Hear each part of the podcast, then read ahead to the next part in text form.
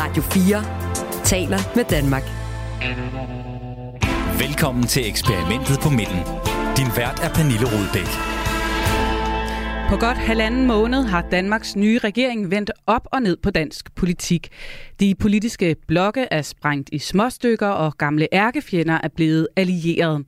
Folkestemningen har på få uger vendt sig mod magtens trækløver med underskriftsindsamlinger og demoer, mens regeringen er gået i kommunikationsoffensiv med forsider, pressemøder og udlandsture.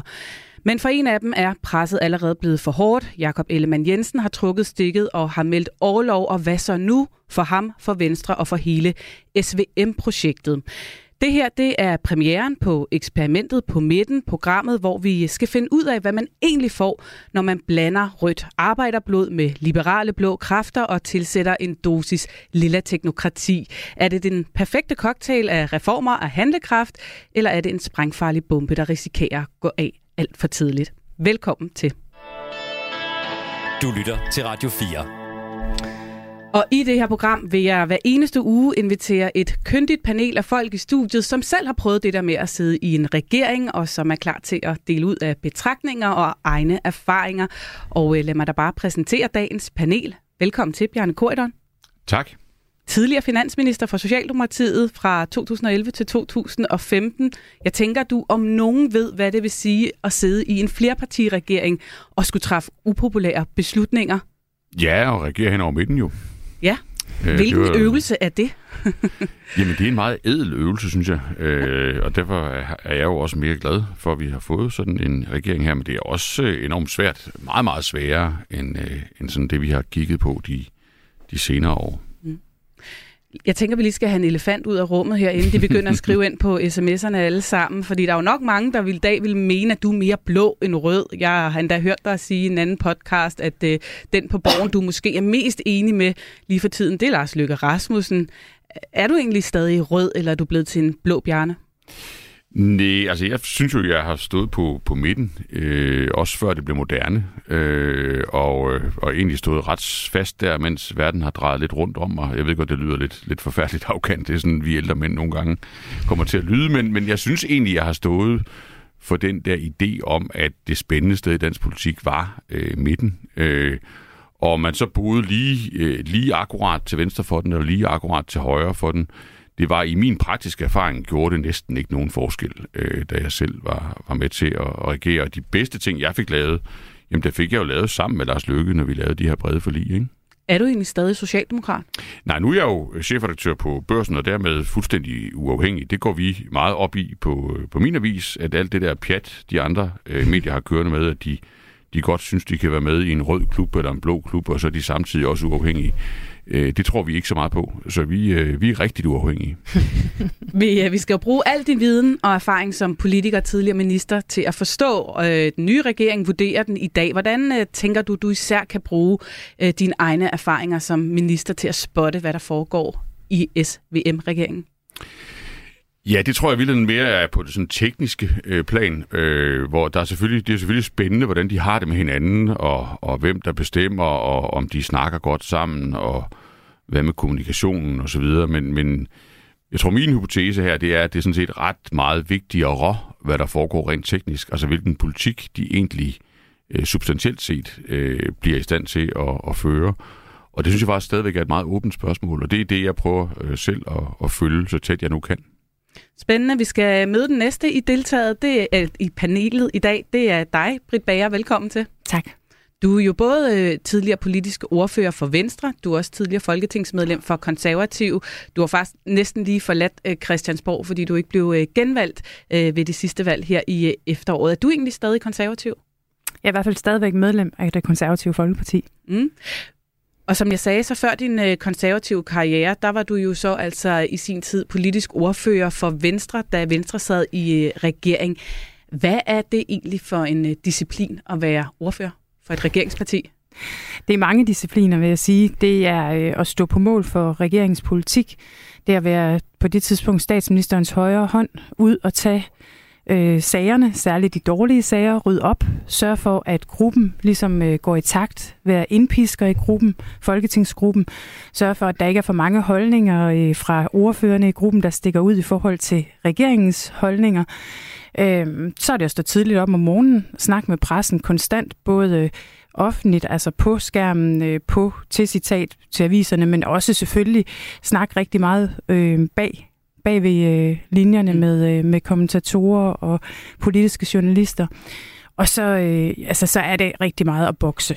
Altså det er at tage de hårde spørgsmål i salen, de hårde spørgsmål i debatterne.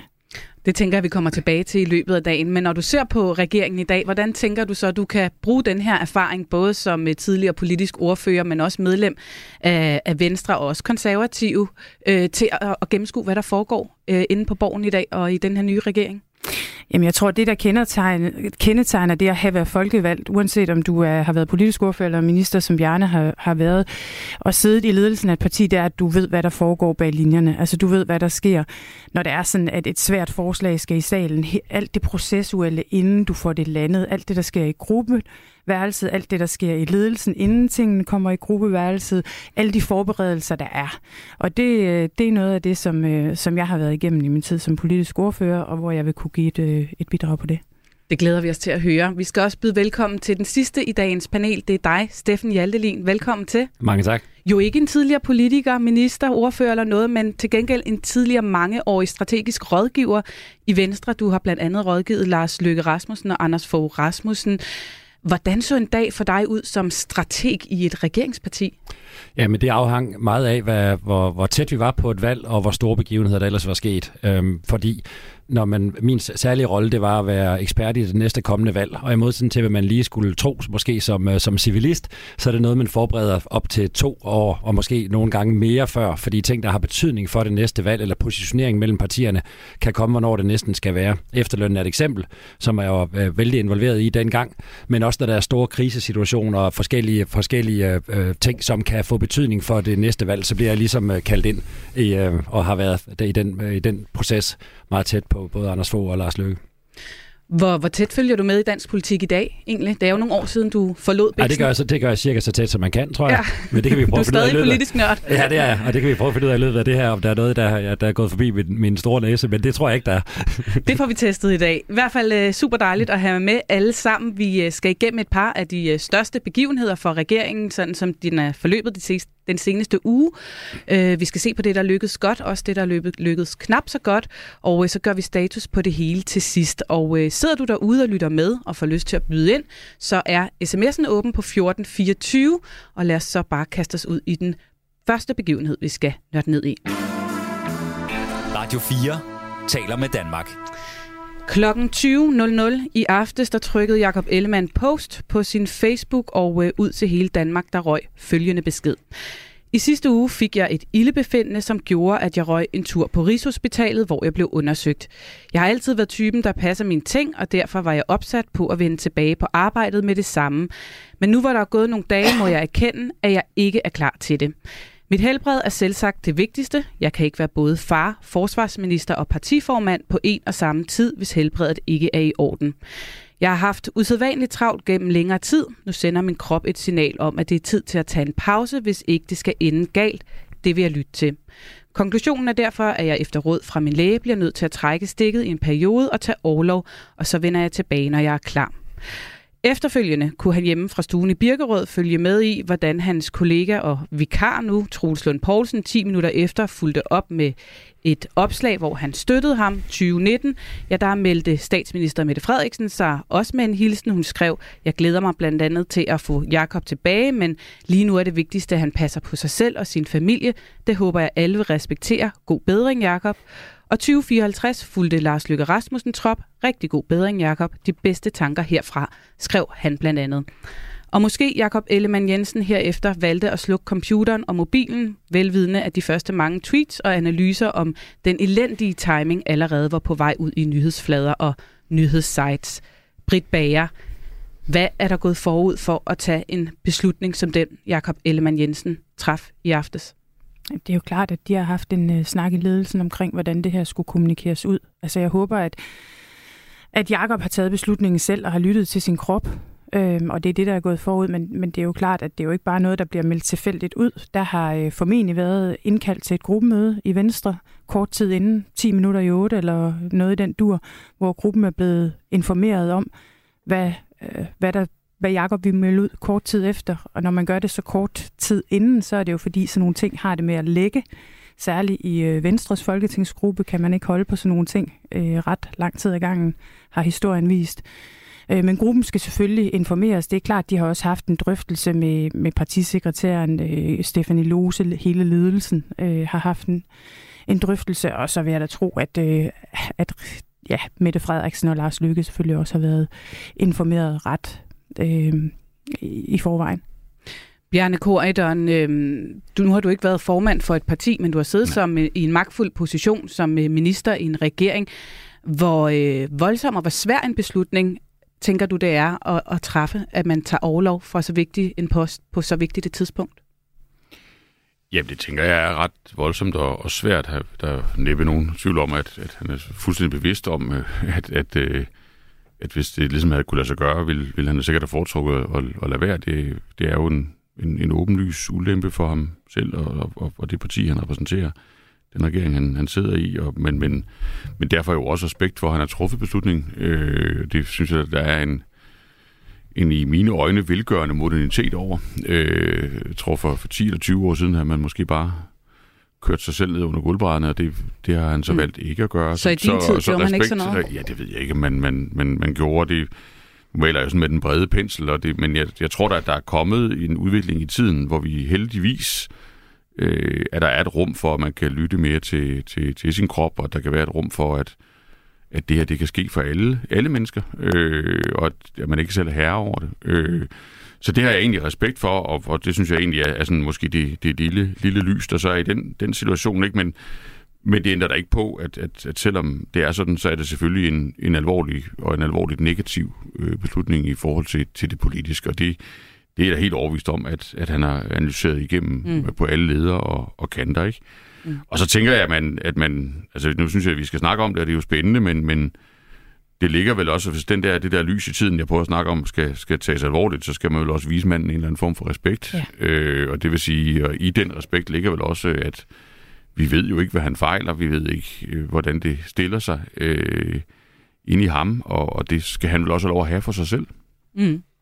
Og vi kommer tilbage til så det, som øh, man kan sige, han ikke har for sig selv, altså den virkelighed, der så er yes. efterladt øh, nu, hvor han har trukket sig. Men Steffen Hjaltelin, jeg kunne godt tænke mig lige også at høre dig. Du kender jo Jakob Ellemann Jensen godt øh, fra din tid i Venstre. Var du overrasket over, at øh, han meldte det her ud?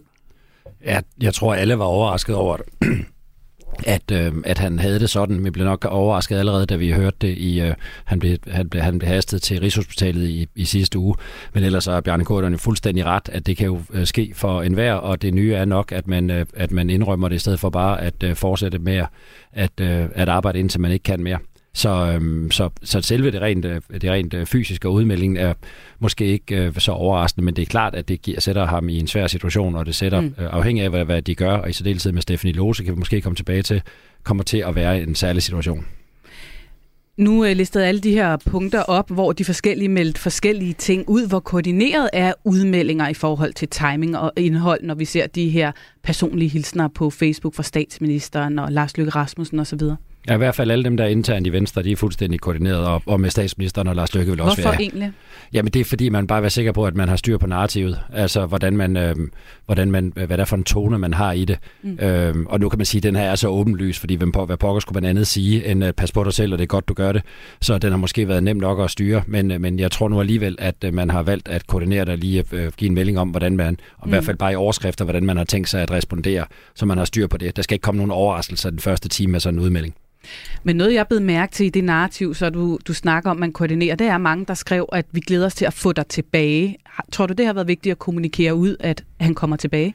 Ja, altså, det er jeg helt sikker på. Der er no, altså, fordi i virkeligheden så er det jo lidt specielt, at han ikke selv øh, skriver, hvornår han regner med, at han var tilbage, eller nu tager en kortvarig pause eller noget, så han åbner jo selv for spekulation om, hvorvidt det kan være kort eller lang tid, som har en kæmpe stor betydning for, øh, eller indflydelse på, hvad det betyder, kommer til at betyde politisk for den politiske ledelse. Og der er der så andre, som, øh, som vil at sige, at vi glæder os til, at du kommer tilbage, måske indikerer, at det ikke er noget, der sker om et år, men øh, måske før da. Uanset hvor øh, umenneskeligt og forståeligt det jo er, at vi kan alle sammen blive, øh, blive ramt af stress, så har det her jo nogle benhårde politiske konsekvenser. konsekvenser.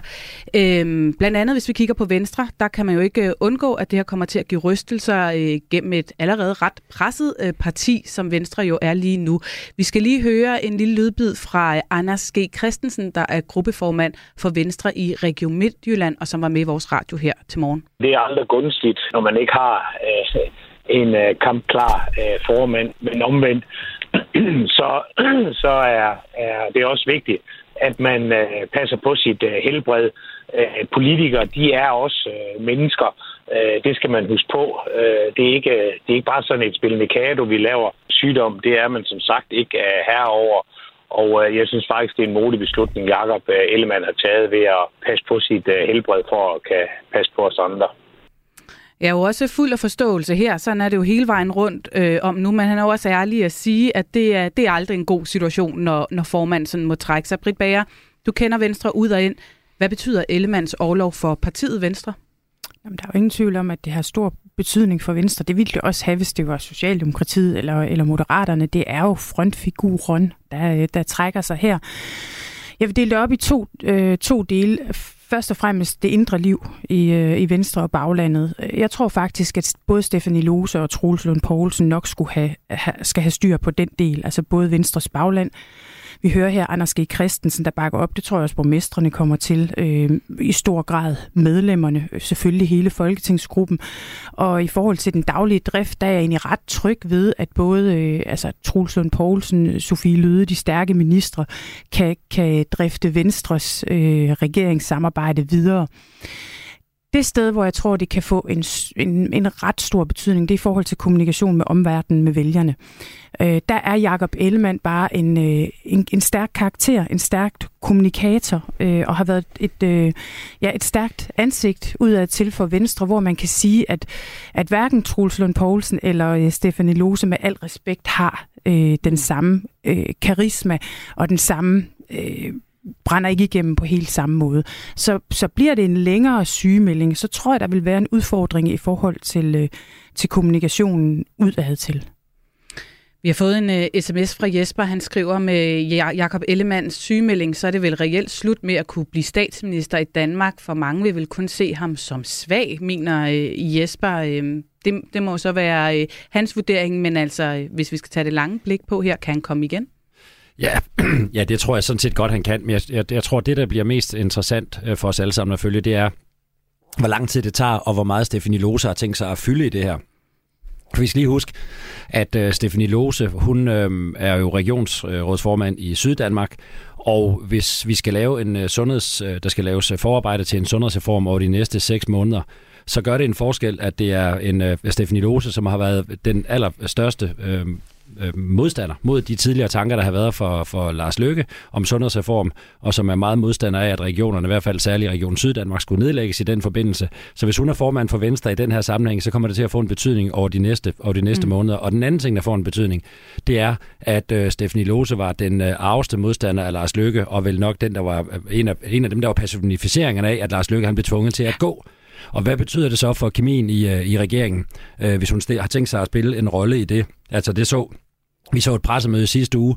Vil det da være hende som formand, som skal stå ved siden af Lars Lykke og, øh, og, øh, og Mette Frederiksen? Og det vil i hvert fald være en helt usædvanlig situation i forhold til øh, det nuværende, hvor, hvor Jakob Ellemann og Lars Lykke aldrig har haft nogen, nogen beef mm. med hinanden.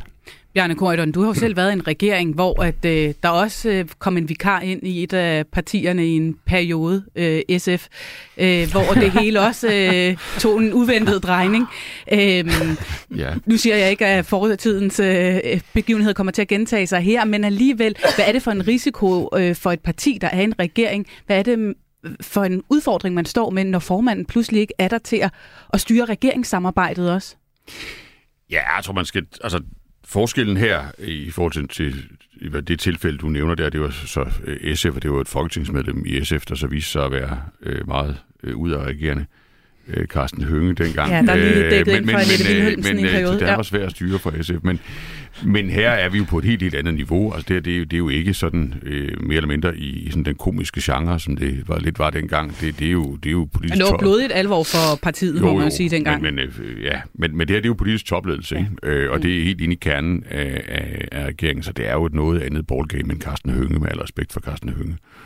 Øh, og så tror jeg, man må sige, øh, at med de faldende bemærkninger i panelet her, øh, om hvordan man håndterer sygdom, øh, om kommunikation og processer osv., så er der nok en brik mere, vi skal have på bordet, og det er, at, og det lyder ikke pænt at sige i, i radioen, men, men det er klart, at i politik, det tror jeg også gælder i alle andres øh, organisationer med en, en vis betydning, så er der allerede naturligvis nu en diskussion om, hvad nu hvis.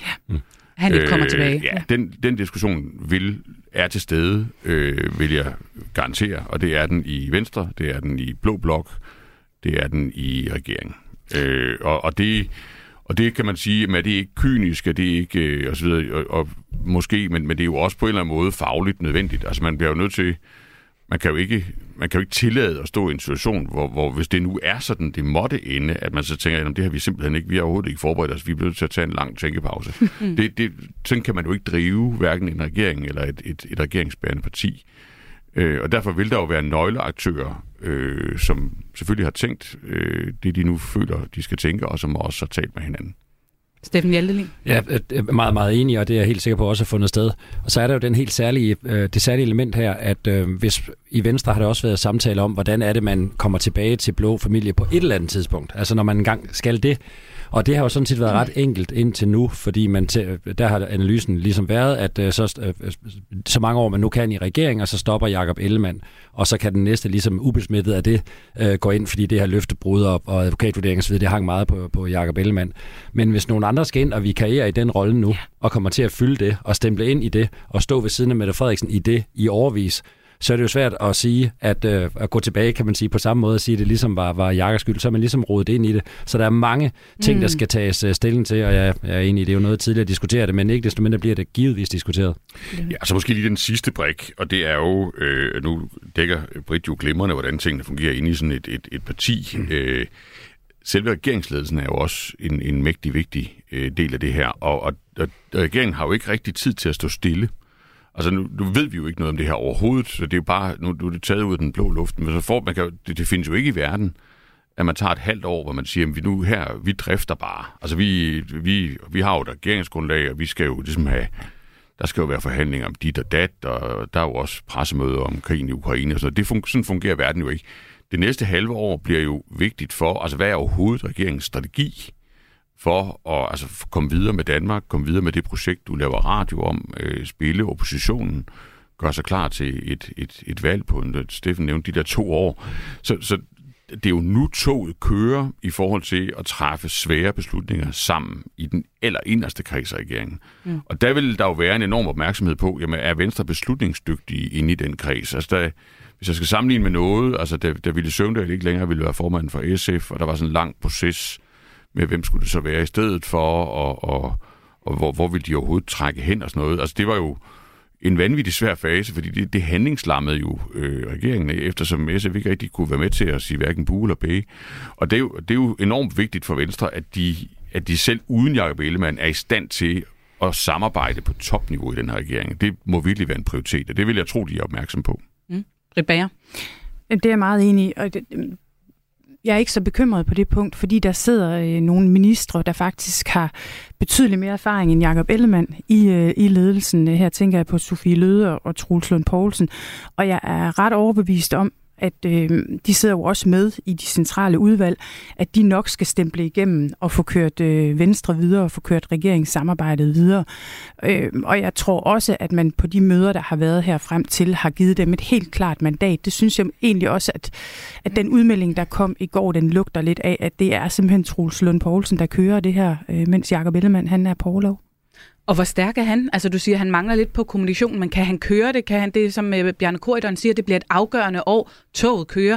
Det er nu også, regeringen skal vise, at den er andet end regeringen, der var afskaffet stor bededag. Den skal vise en retning. Den skal vise, hvorfor vi overhovedet skulle have den her SVM-regering. Han, han er benhård, og han er meget, meget stærk, og han... Øh, er tilbøjelig til at sige, at han kører det allerede. Altså han, han har utrolig stor, ja, han har utrolig stor magt, han har utrolig stor viden, han har en arbejdskapacitet, som jeg tror ikke ret mange mennesker kan, kan være med øh, på. Altså han, han kører det allerede. Han sidder i et centralt ministerie, i hvert fald et ministerie, der ligesom kan, kan have arme ud øh, mange steder. Så, så den del af det er jeg faktisk ikke bekymret for. Altså jeg, jeg er overbevist om, at øh, Troels Poulsen, han skal nok køre den her igennem. Men Bjarne Korydon, siger du, at man allerede sidder nu i regeringen, i de forskellige partier og laver køreplaner, plan A, plan B, plan C, hvis han kommer tilbage, hvis han ikke kommer tilbage, hvis der går længere tid? Altså, er man allerede ved at, at, at kører brikker i stilling, så tager den her person over på det her, og så gør vi sådan her, og, og så videre. Altså, hvor detaljeret gør man det?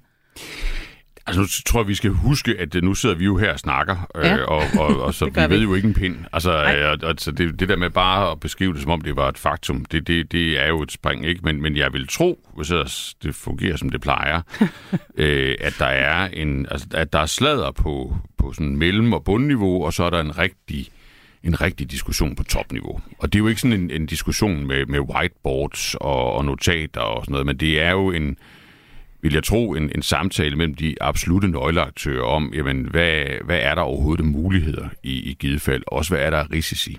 Øh, og så vil der jo være, øh, internt i Venstre gætter jeg på, det er jo ikke mit speciale, der må vi jo over til de andre panelister, der er selvfølgelig også et spørgsmål om, om alliancedannelse øh, og, og helt elementær magt. Altså mm. fra regeringens synspunkt er det jo nok mere sådan et, et, et hvad kan man sige, et, et lidt mere teknisk spørgsmål. Altså hvordan, hvad, hvad bliver Venstre overhovedet for en, en spiller i den her regering? Ja, det vil jeg til at spørge Hvad er scenarierne for det, ikke? En, en, fordi jeg tænker, en ting er konsekvensen for Venstre, Venstres mm. rolle set fra det perspektiv, mm. fra Socialdemokratiet og Moderaternes perspektiv. Hvad gør det ved deres situation? Også for hele SVM-projektet? Altså kan de godt køre videre med et lidt amputeret venstre i den her konstellation, eller hvordan stiller det dem?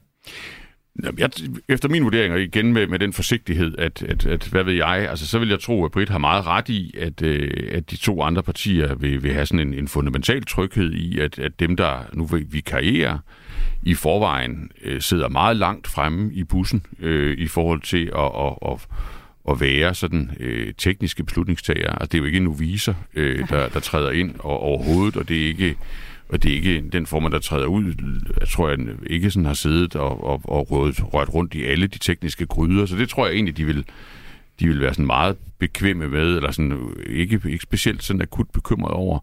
Og så er der selvfølgelig lidt længere sigt. Altså, hvad, hvem, hvem er det, der skal lede øh, det parti, hvis ikke det er Jacob Ellemann, og hvor vil, hvor vil det blive ledet hen? Altså, vil det blive ledet mm. videre ind mod midten, eller, øh, eller tilbage ud mod, mod det, der engang var, var blå blok? Det vil jo nok være det allermest fundamentale spørgsmål. Og når man så dobbeltklikker på det, jamen, så er der så selvfølgelig alle, alle de, de underliggende problemstillinger, altså CO2-afgift på landbruget, øh, forsvarsforlig, øh, reformer, øh, økonomiske planer, øh, værdipolitik øh, og, og, og så videre. Og der vil man, sådan, den tror jeg, man vil sådan prøve at danne sig et eller andet scenarieoverblik. Øh, altså er der, er der noget, der vil rykke sig der i forhold til det, vi egentlig sådan havde regnet med, med, med den holdopstilling, vi, vi kendte.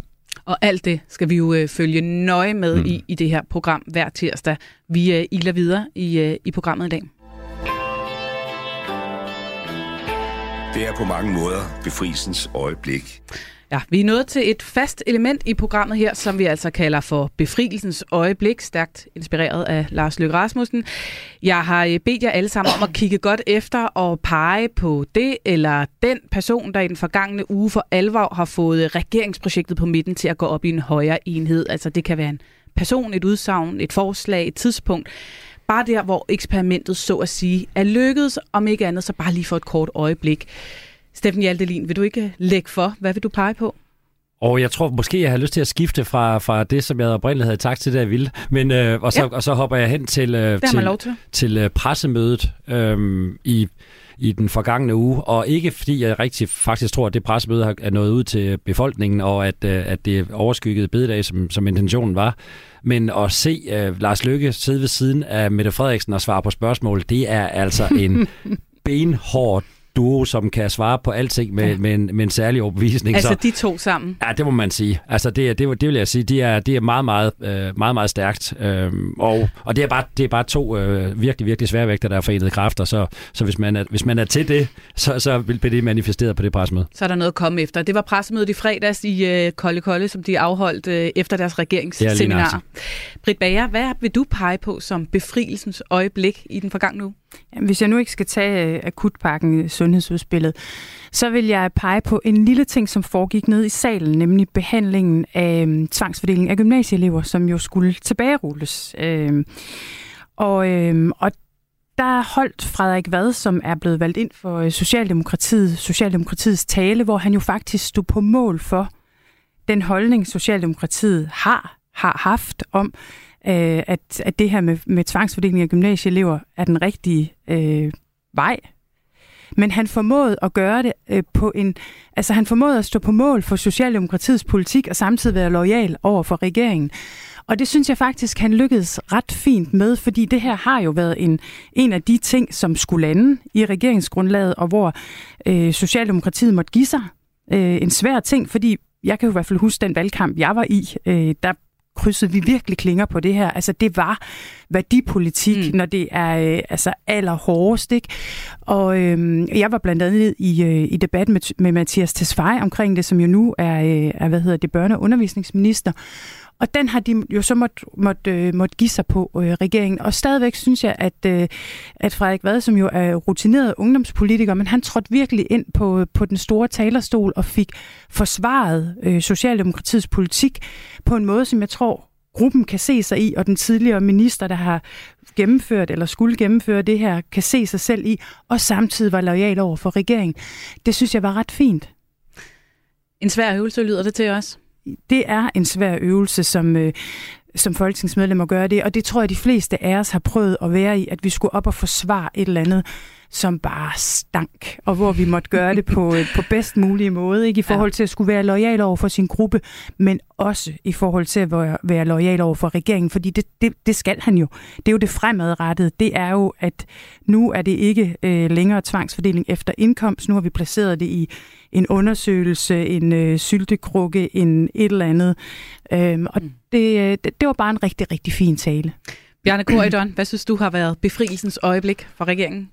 Ja, altså jeg tror generelt, vi, vi skal sondre. Jeg, tror, jeg synes ikke, at regeringen har, har sådan lavet nogen home runs øh, i løbet af, af ugen, hvor man tænker, der, der vælter der bare lige 10 procent af stemmerne ned i, øh, ned i kasseapparatet. Altså det, sådan tror jeg, sådan ser jeg det ikke. Så vi skal Ej. nok mere sådan lidt ned af den sådan et, et psykoanalytisk spor, ligesom mine medpanelister også har, har været. Ja, okay, nu er jeg spændt. Øh, og, øh, og der synes jeg egentlig, Mette Frederiksens interview med Weekendavisen ja. øh, var øh, interessant øh, på den måde, at det er jo det er jo en ny Mette Frederiksen. Altså, det, er jo en, det er jo grundlæggende et, øh, et fuldstændig nyt budskab i forhold til de interview, og hun har jo altid været ret god til at give store interview gennem hele sin karriere. Altså, det er sådan en genre, hun virkelig mestrer, ikke? Øh, og sådan Hvad forbinde... var det ved interviewet, hvor du tænkte, det var en helt ny Mette ja, Frederiksen? Det, det er, man, man må i hvert fald sige, at hvis man havde været i tvivl om, hvorvidt hun ville læne sig ind i projektet øh, med økonomiske reformer, øh, med sådan at argumentere for, for nødvendigheden øh, i at gøre øh, de ting, der jo så er, er upopulære, også upopulære langt ind i hendes eget bagland jo,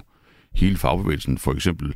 Hvis man ligesom havde haft en mistanke om, at hun ligesom ville, ville trippe lidt rundt, øh, og måske sådan lade, lade, lade andre tage tæven, og sådan selv holde det måske lige lovligt åbent, om, om det nu også var noget, hun egentlig gjorde af lyst eller af nød, så synes jeg, hun, hun fejrer det væk. Altså på den måde er det jo mm. sådan set et, et modigt øh, og sådan meget afklaret interview. Så kan man...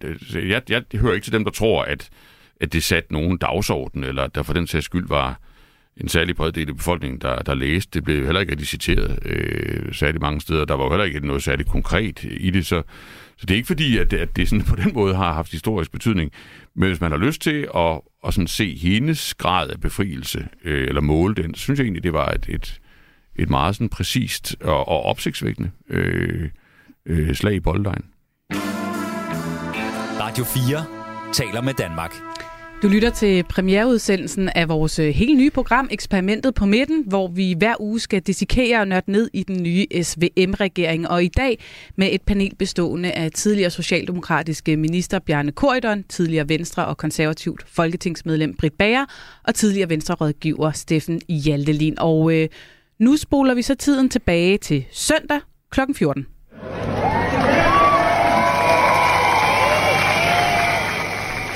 Et sted mellem øh, 5 og 50.000, alt efter hvem der tæller, er mødt op foran øh, Christiansborg med røde faner, skilte, enkelte i gule veste, og de kørt ind i busser fra hele landet for at høre Tessa og Anne Linnet og demonstrere mod afskaffelsen af Stor Bededag. Og blandt de her vrede fagforeningsfolk og almindelige lønmodtagere, der er også en lang række røde politikere. Maj Villassen og Rosa Lund får taget billede foran installationen af verdens største hvede, og Pia Olsen Dyr er troppet op med sin øh, knaldrøde frakke og giver interview til pressen.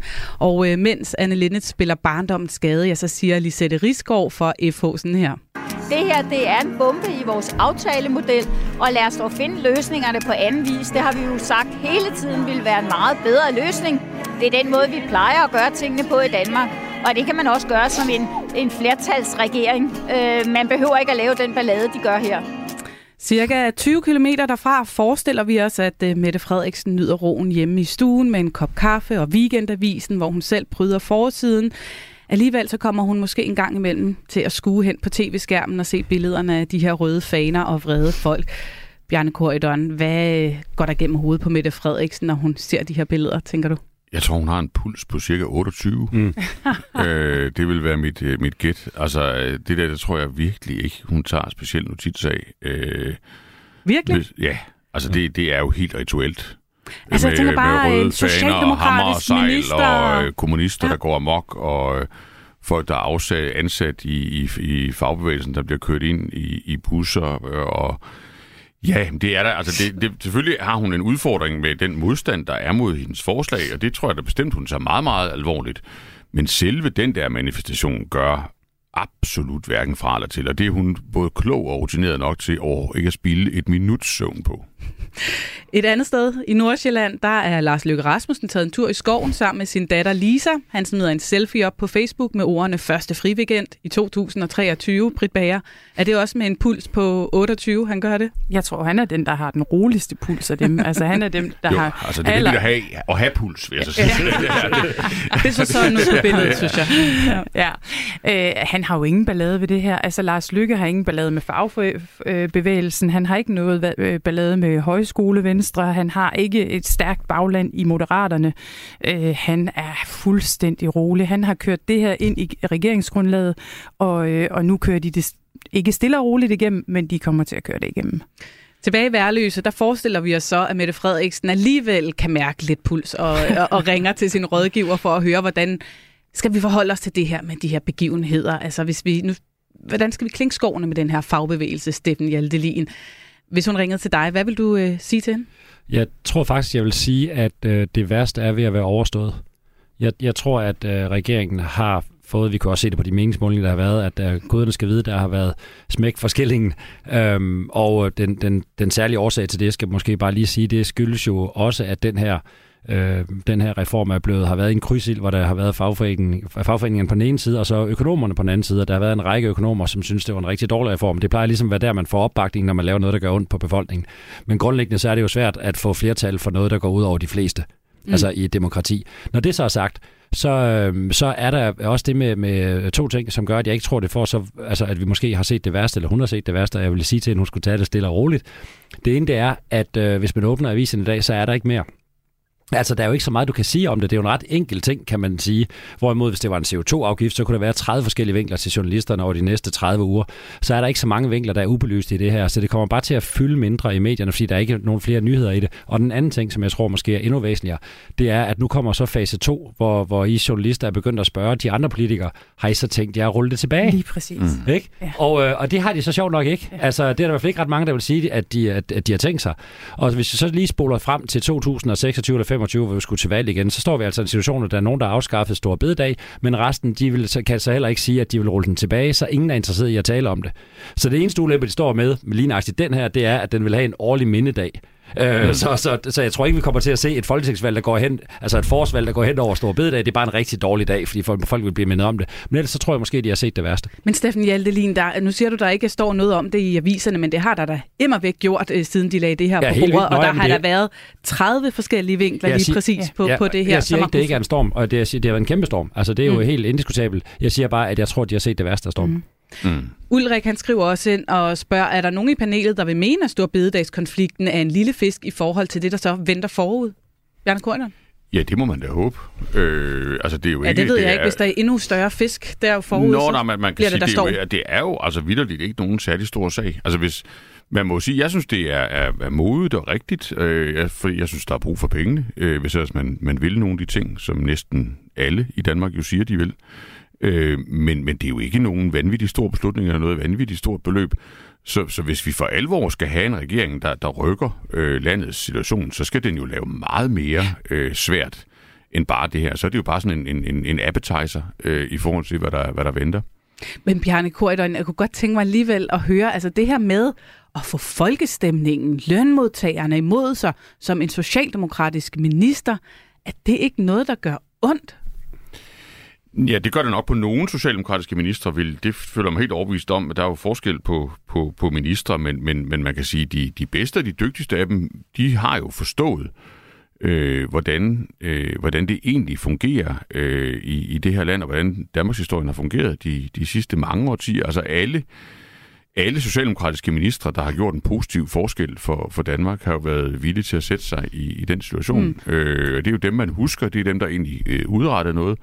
Og så har der været en masse opportunister, øh, som, som synes, det går også, også ondt, og de, de er jo sjældent rigtig blevet til noget, eller har sjældent rigtig sat sig øh, varige spor på, på det her samfund. Og det hænger jo sammen med, at hvis man, hvis man vil noget af det, folk øh, glæder sig over, noget af det, folk virkelig øh, håber på øh, og, og, og se ske, ja, så er det bare ikke gratis. Altså, så er der jo en, en, en finansieringsside, man, skal, man bliver nødt til at håndtere, ellers så bliver det uansvarligt. Men det er jo super rationelt, det du siger lige nu. Derfor Mm. mm. kunne man jo godt, hvis man er øh, Socialdemokratiet eller Socialdemokrater, har fagbevægelsen i blodet. Altså, vi har jo flere ministre, som har været aktive i fagbevægelsen. Hummelgaard, der har været i 3F, Ane Halsbo Jørgensen, beskæftigelsesministeren, Mm. mm. der har været kort forbi LO. Altså, er det så ikke en svær øvelse at skulle gøre sig så upopulær hos nogen, man egentlig identificerer sig lidt med at være en del af?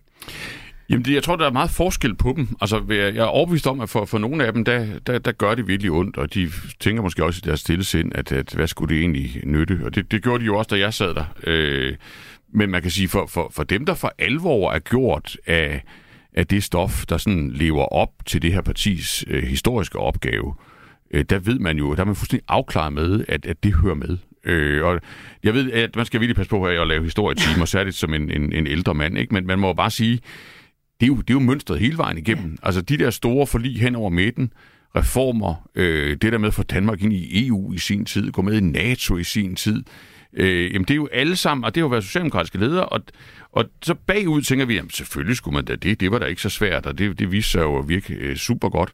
Da man stod i det, der var der jo også, der var Slotspladsen jo også fuldt af sy- sure venstreorienterede øh, og mopsede fagforeningsfolk.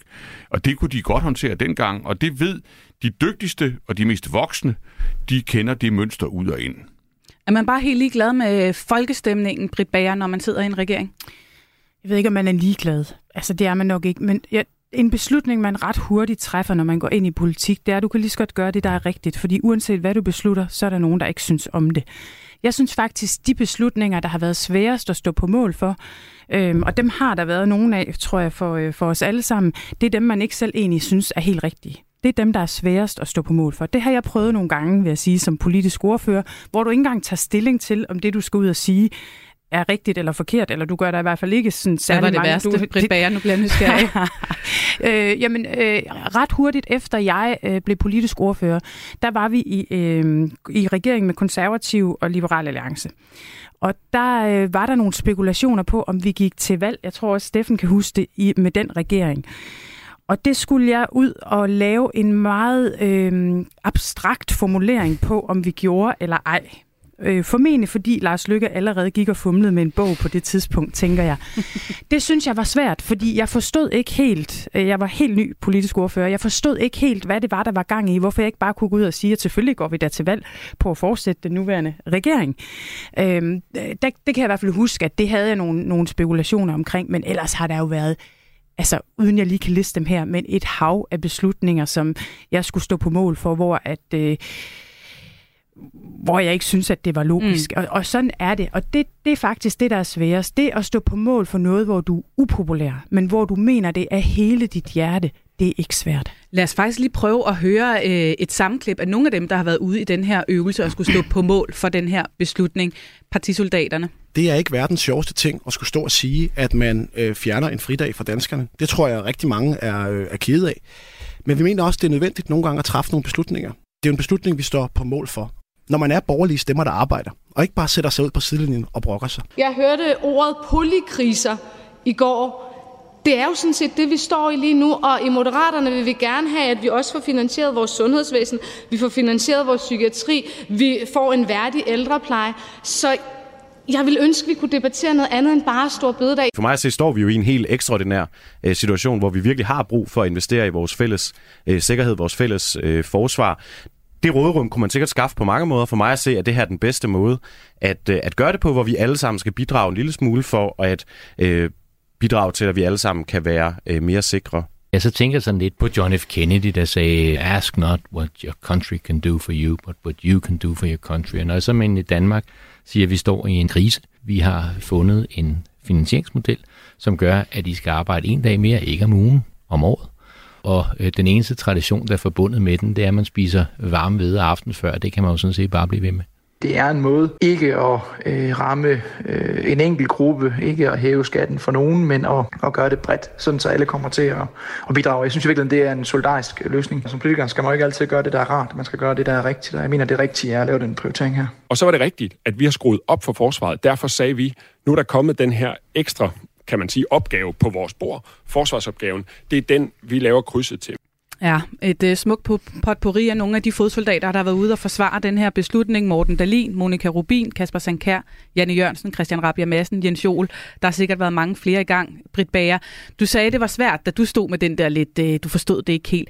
Men når du hører uh, regeringen på tværs af partier være ude og forsvare det her, det er så en svær øvelse for dem, eller tror du virkelig, at de mener oprigtigt ind i deres socialdemokratiske og liberale hjerter, at det er en rigtig beslutning? Ja, det tror jeg, det gør. Øhm, og, og det er jo svært lige når stormværet øh, står på, ikke? men jeg er meget enig med Steffen i, at det her det er på den anden side, og jeg, jeg hørte en lille smule af debatten nede i salen. Jeg synes faktisk, selvom det er stærkt, det her med, at alle partier udenom regeringen går sammen og kan finde ud af at gå sammen, så synes jeg, de stod lidt afklædte nede i Folketingssalen, netop fordi Øh, der var ikke ret mange af dem, der kunne sige, at de ville, øh, de ville rulle, rulle, øh, rulle den her dag tilbage. Det her, det skal køres igennem, og så har vi glemt det om et år. Jeg synes, at de øh, kommunikativt har givet sig selv en udfordring ved at lave det her meget, meget øh, kraftige kryds ja. over til, øh, til forsvaret. Mm. Og det er jo noget, jeg har været med til at gøre mange gange på, på mindre ting. Vi sparer noget på, på øh, penge et sted, som vi kan bruge på psykiatrien osv. Det har været brugt, de der koblinger har været brugt mange gange, men den her har simpelthen været for tyk. Altså, der er ikke nogen, der, der tror på, at det er den her... Øh, af, ja, og den det, har de jo så skulle stå og forsvare ja, igen og, og, og igen. og der havde de været noget bedre hjulpet. Det, det, vi var tilbage i øh, med efterlønnen, som jeg selv var, var hæftigt involveret i. Der sagde vi, hvad det svarede til. Det drejede sig om 16 17 milliarder, og det svarede så til 200.000 folkeskoleelever, eller, eller øh, x antal tusind sygeplejersker osv. Men hvis du havde sagt svare til, og så, og så havde givet en bredere palette, så havde man som, som, øh, som øh, forskellige politikere, øh, så havde man ligesom kunne sige, at det her det er nødvendigt for at få råd til det velfærd, vi har råd til, eller vi gerne vil have. Altså lidt bredere palette, fordi den her med, med, med forsvar, den har, været, den har været virkelig svær for dem. At, øh, har det været en fejl? Ja, jeg synes, det var en fejl at koble så tæt til forsvaret, og det var og unødvendigt, øh, fordi det er jo ikke helt sådan, tingene hænger sammen. Synes så man du kunne også, bare det Ja, det synes jeg. Øh, og jeg synes også, det er en, en, en større fejl end, end kun i, i sådan det, det kommunikationstekniske med, hvad man siger, det svarer til eller ikke svarer til. Og sådan noget. Jeg, jeg, jeg tror, fejlen øh, har rod i det problem, at der jo ikke rigtig er en økonomisk plan. Altså, man, altså når, man, når man jo taber, og det må, tror jeg, man må sige, man har tabt øh, debatten. Det tror jeg også selv, de vil sige øh, bag lukkede døre, at man har tabt debatten øh, om nødvendighed her. Man, der er ikke et billede øh, bredt i befolkningen af, at det faktisk er en nødvendig beslutning. mm. øh, selvom man hævder det. Og det er jo fordi, at man ikke har brugt kræfterne på, da man forhandlede regeringsgrundlaget, eller umiddelbart efter, på faktisk at lave en samlet plan, der demonstrerer, øh, hvad nødvendigheden består i. Altså, og den, og det jo, burde jo ellers ikke være overdrevet svært, fordi man kan sige, der er jo, der er jo bred enighed i både befolkningen og, og Folketinget om, at vi vil en hel masse mere, når det gælder grøn omstilling, når det gælder sundhed, når det gælder velfærd i, i bred forstand. Og vel også en forståelse for, at, at med, med færre mennesker på arbejdsmarkedet, så, så det der med, med høj skat på arbejde er måske ikke verdens bedste idé til, til evig tid. Men man har slet ikke fået det ridset mm. op, og det tror jeg er det største problem, man har. Det er Ganske der, kort. Og så er der jo hele, hele samarbejdet, det man øh, signalerer her fra starten af, nemlig vi har et flertal, vi kører det bare igennem, øhm, og dem, der ikke vil stemme for øh, Stor Bededags afskaffelse, de kan så ikke være med i forsvarsforlidet. Der bliver jo ret hurtigt koblet ordet magtfuldkommen på den nye regering, øhm, og det synes jeg bestemt heller ikke, at, øh, at de er sluppet særlig godt fra. Jeg synes også, de har en opgave i som flertalsregering at signalere, at vi vil faktisk det brede samarbejde, ikke kun med ord, men også med handling, og vi vil det særligt på noget, der er så langsigtet og så vigtigt som forsvar? Det er jo en bastardregering. Når man blander to eller tre ting, der ikke umiddelbart passer sammen, ja, så kan det jo altså også resultere i noget mærkeligt, et misfoster eller en bastard, som Pelle Dragsted fra Enhedslisten her kalder den nye regering.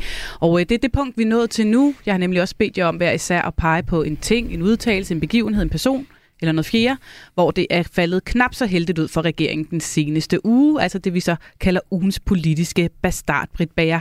Hvad har du taget med? Jamen, der har jeg faktisk taget stor bededag med. Altså, uanset hvad, så har det givet nogle skulp. Øh, S har fået fagbevægelsen på nakken. Jeg er helt enig med Bjarne. Jeg tror ikke, Mettes puls, den, øh, den rører sig særlig meget. Øh, v har fået lidt bagland, højskole baglandet øh, på nakken, og, øh, og Lars Lykke står så og smiler i midten. Ikke? Men, men det må være stor bededag. Steffen Hjaltelin, ugens ja. politiske bastard. Ja, jeg har taget øh, aflysningen af, af den øh, reform, eller med minimumsnormeringerne, der ja. skulle være ude i, i daginstitutionerne. Og det er, når man bliver nødt til at øh, rulle noget tilbage, fordi der ikke er flertal for det i den her regering, er noget, man har lovet tidligere. Det kunne også have været ugen før, det kunne have været de 1000 sygeplejersker, som nu ikke skal ansættes alligevel. Det kommer bare til at, øh, det kommer bare til at se mærkeligt ud, og det vil, være, det vil efterlade øh, skuffede vælgere hver gang, man gør det. Og det giver en ny nyhed hver gang. Bjarne Korydon, hvad vil du pege på? Jeg vil starte med at sige, at nu kan jeg jo godt lide bastarder. Jeg synes faktisk, at gadekryds og så videre kan være langt de mest charmerende dyr, ja. øh, hvorimod sådan noget, noget fuldstændig raserent, det, det er jeg egentlig ikke specielt øh, vild med i dyreriet.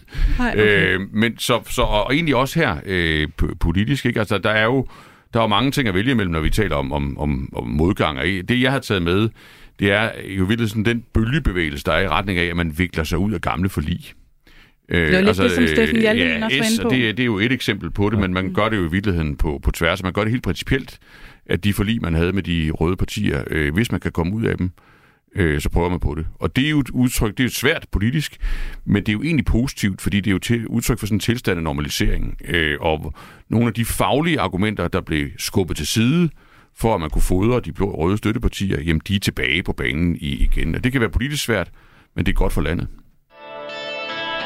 Du lytter til Radio 4. Og med det så er vi altså snart ved vejs ende for den her første udgave af eksperimentet på midten. Men inden jeg slipper helt, så vil jeg bede jer om hver især at pege på det parti, den farve, der lige nu får mest ud af regeringseksperimentet. Så vil jeg holde regnskab fremadrettet, så ser vi, hvordan det ser ud, når vi når sommerferien en gang. Britt Bager, hvis du skulle lægge en blå, en lilla eller en rød bold i den her store, imaginære regnskabsbogle, hvilken farve vil du så lægge i? I og med at Stor Bededag, afskaffelsen af den, har fyldt så meget, og, det har, øh, altså, og, og moderaterne har slået sig så lidt på det, så vil jeg faktisk komme en lilla bold i den her en gang. En lilla bold, ja. Steffen Hjaltelin, er det også en lilla bold, du har fundet ja, frem? Ja, fuldstændig samme argument vil jeg også øh, komme en, øh, en lilla bold i den her gang. De sejler bedst ud af det, det her stormvejr? Ja, de er mindst på spil. Mm. Bjarne Korydon, har du også fundet den lilla frem? Ja, den er også lille, og, men, men det er ikke fordi, de har mistet mest, det er fordi, de har vundet mest. De har vundet øh, mest. Det er jo grundlæggende Lars Løkke Rasmussens projekt, der nu bliver til virkelighed. Og det er ikke bare på substansen, men også på hele ideen om, at der findes en stærk midte i dansk politik. Mm. Nu venter der en ny uge. Hvad kommer I til at holde øje med ganske kort? Hvad bliver mest interessant at følge med i? Ja, jeg er spændt på at se, om det kan lykkes nogen at få, få bededagsdiskussionen op igen. Jeg kan se, der er et samråd i morgen, hvor, nogen hvor vil prøve. Nogen vil prøve, men det bliver enormt spændende, om det kan lade sig gøre. Britt Bager, hvad kommer du til at holde øje med? Jeg kommer til at holde øje med, hvordan Venstre, partiet Venstre lander på benene efter Jakob Ellemanns syn. Og hvad, og hvad kommer du til at, altså i forhold til at se, om de gør det? Hvad, hvad, hvad vil det du holde øje med? i Folketingsgruppen, øh, hvem der får positioneret sig hvordan i, øh, i toppen og i ledelsen, det, øh, det kommer jeg til at holde øje med. Og hvad med dig, Bjarne Køjderen? Hvor er dine analytiske øjne stift rettet mod? Jeg synes, det er knivskarpe kolleger, jeg har her i... ja. det, det, det, det, jeg, det er også derfor, jeg skal lægge en lille bitte ting til, så jeg tror, de skal passe meget på ikke at tabe den grønne dagsorden. Ja. Ja, det bliver der ikke talt så meget om øh, Nej, det, det tror jeg faktisk, man skal. Øh, og, og særligt Venstre har jo en ømhed der øh, over mod, mod landbruget og, og så videre. Men, øh, men lad os se. Jeg tror ikke, det bobler op i den her uge. I hvert fald uh, tusind tak, fordi I vil være med mig i dag. Steffen Hjaltelin, Britt Bager og uh, Bjarne Korydon. Tak for indblikket, og uh, selvfølgelig også tak til dig, der lyttede med. Hvis du nu ikke uh, fik lyttet med fra start, så er uh, eksperimentet på midten selvfølgelig også at finde som podcast i uh, Radio 4's app, eller hvor du ellers finder din podcast. Og så er der ellers meget mere politik hver dag her på kanalen mellem klokken 11 og 12. I morgen der er det min kollega Peter Ernstved Rasmussen, der inviterer inden for i frontlinjen, hvor der skal nørdes forsvarspolitik. Torsdag er jeg tilbage med vores politiske redaktør Thomas Larsen ved roret i øh, mandat, og øh, fredag kan du naturligvis som altid høre masser af borgerlig debat i det blå hjørne, og så på mandag selvfølgelig er det de røde politikere, vi slipper løs i det røde hjørne. Der er selvfølgelig også masser af god radio resten af dagen her på øh, kanalen. Først skal vi have nogle nyheder, så bliv endelig hængende, og vi lyttes ved.